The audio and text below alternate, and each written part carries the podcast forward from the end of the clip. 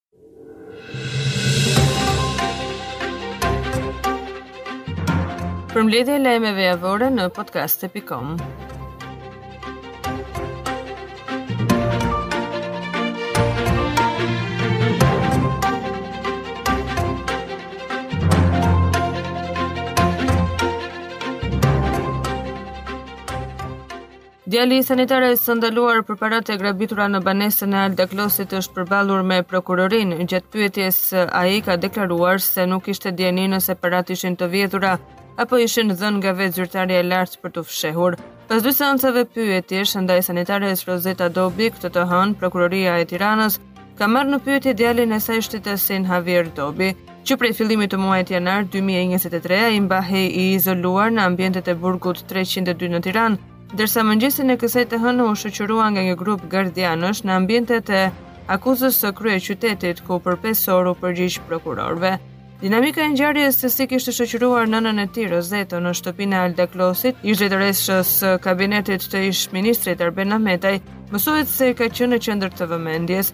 23 vjeçari u ka treguar oficerëve se ishte në dijeni të prezencës së shumave në euro dhe para që iu gjetën në banesë, e sipas tij nëna e kishte marrë tek shtëpia e Alda Klosit.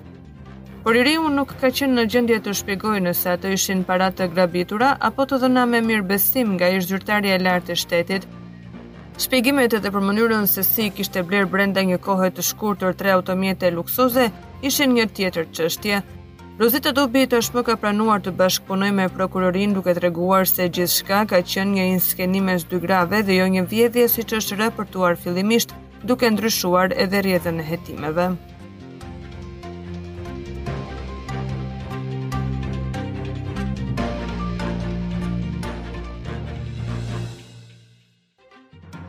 Monika Kryemadhi ka reaguar pas deklaratës së Anila Denajt për përjashtimin e Berishës nga kuvendi.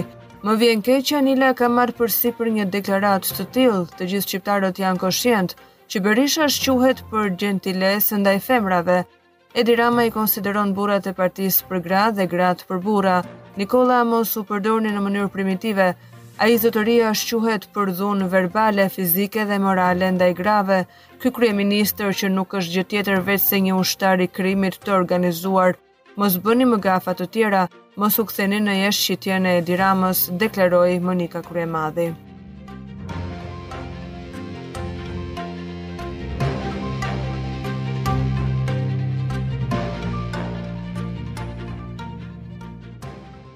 Në një kohë kur opozita po protestonte jashtë mureve të parlamentit dhe brenda në sallë deputetët e Partisë Demokratike po bënin rezistencë, Taulant Balla i kërkoi Nikollës të ndërpriste seancën sepse po pamundësohej për shkak të sjelljes së deputetëve të Partisë Demokratike. Në fjalën e saj, Elisa Spiropali, drejtuar kreut të Partisë Demokratike, Sali Berisha, tha se nuk i ka njerëzit për të bërë revolucion, për të cilën ai thotë se do të bëjë. Revolucioni do njerëz, bindje që ju nuk i keni, doktor. Populli ju rezervoi një vend të veçantë, Mblidh mendjen se nuk bëhet kështu, u shpreh Elisa Spiropali.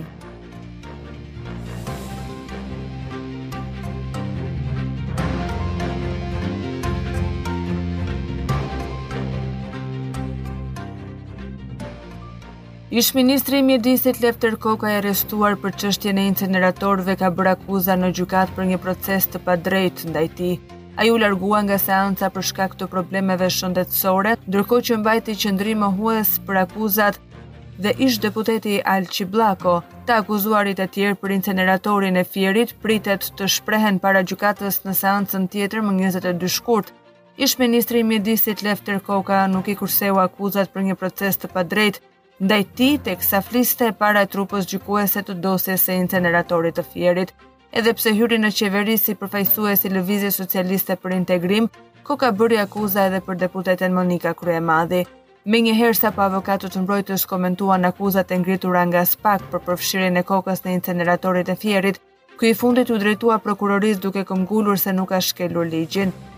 Nuk e kuptoj si prokuroria mund të marrë parasysh kallëzimin e Monika Kryemadhit dhe të mjaftohet duke arrestuar qytetarë të pafajshëm.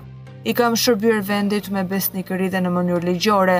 Mirë që u dogja dhe do dënohem, por gjykata duhet të tregojë dinjitet dhe të mos arrestojë qytetarë të pafajshëm. Pasi shprehu këto fjalë, Lefter Koka braktisi seancën gjyqësore për shkak të komplikacioneve me shëndetin. Të njëjtin qëndrim mbajti dhe ish deputeti socialist Alqi Bllako, i akuzuar gjithashtu për aferën e inceneratorëve. Që në nisje të fjalës ai u deklarua i pafajshëm. Alqi Bllako tha se ka kryer të gjitha procedurat ligjore, Akuza e ngritur për korrupsion pasiv i zyrtarëve të lartë nuk qëndron pasi në cilësinë e sekretarit të përgjithshëm të ministrit të Mjedisit nuk mund të gjykohem si zyrtar i lartë. Gjykata duhet të urdhërojë prokurorin për saktësinë e akuzës sepse pozicioni i sekretarit të përgjithshëm nuk mund të cilësohet si zyrtar i lartë.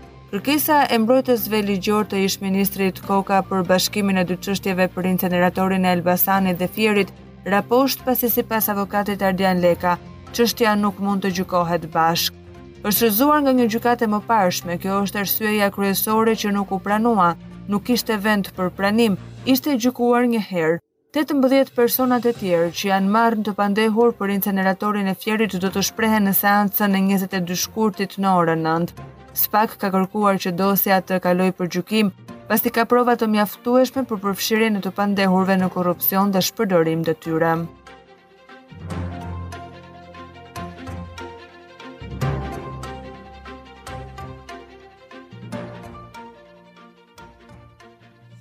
Deputeti i Partisë Demokratike Belind Këlliçi ka deklaruar se deputetët e përjashtuar të Partisë Demokratike kanë ankimuar vendimin e etikës dhe sipas rregullores vendimi është pezulluar.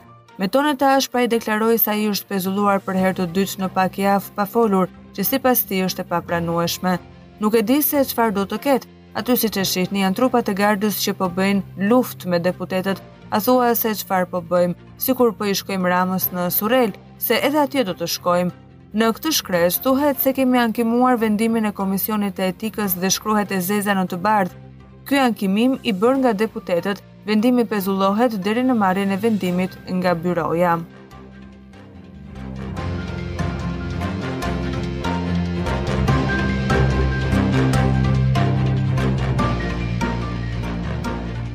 Është shtyrë sërish seanca gjyqësore e zhvilluar këtë javë në gjykatën e Elbasanit për lejimin e ekstradimit të 33 vjeçares ruse Svetlana Timofeva.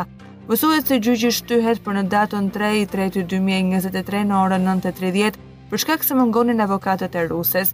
Timofeva u arrestua rreth 3 muaj më parë në vendin tonë nën akuzën e spionazhit pas sulmit të ndodhur në uzinën e Gramshit.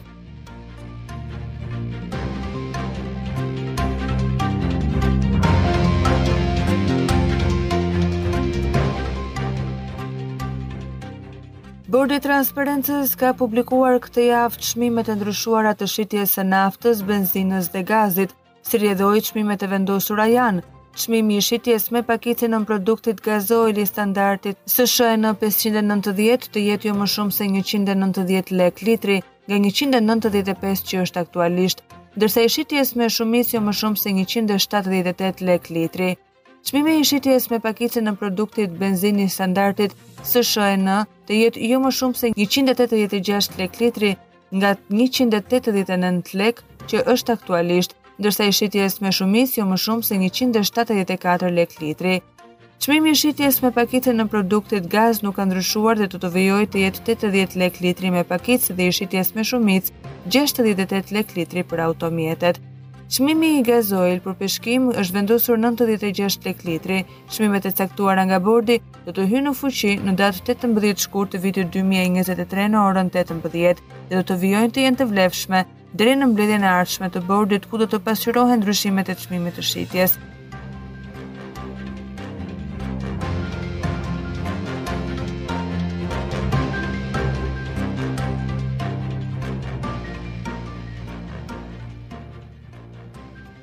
Lindshmëria e ulët, shpopullimi dhe agjendat globale po kërcënojnë familjen shqiptare. Ky ishte një shqetësim që ngritën në konventën e dytë përfaqësues të koalicionit shqiptar pro familjes. Familja shqiptare gjendet në udhkryq, dhe e kërcënuar, kështu u shpreh pastori Akil Pano, themelues i koalicionit shqiptar pro familjes dhe jetës. Në mbledhjen e konventës së dytë të këtij koalicioni, ai tha se vlerat e familjes po rrezikohen edhe nga agjenda globale teksa përmendi debatet për prindin 1 dhe prindin 2.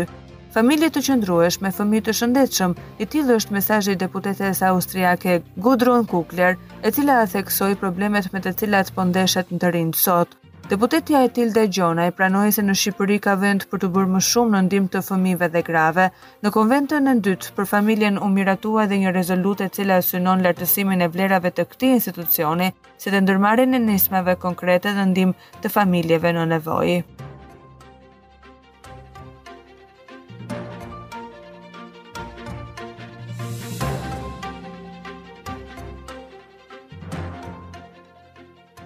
Edhe 47 metra liqeni i Fierzës arrin në pikën e vdekjes, ku nuk mund të prodhojë më energji elektrike. Thatësira e madhe që ka mbizotëruar këtë dimër dhe mungesa e reshjeve të dëborës ka bërë që niveli i liqenit të zbresë në kuotën 288 metra. Kur liqeni të zbresë në 242 metra, atëherë ai konsiderohet në pikën e vdekjes ku prodhimi i energjisë ndalon. Dimri i butë që po mbizotëron rajonin e Kukësit dhe mungesa e reshjeve kanë bërë që në gjysmën e partë të shkurtit niveli i ujërave në basenin e hidrocentralit të Fierzës të ulet ndjeshëm në afro 5 metra. Niveli i ujërave të liqenit të Fierzës ka arritur në 288.57 metra, pasi prurjet e ujit vazhdojnë të jenë të ulta, prej rreth 150 m3 për sekond. Shkak tjetër i rënies së nivelit është edhe puna me kapacitet të plotë me katër turbina për prodhimin e energjisë elektrike të hidrocentralit të Fierzës.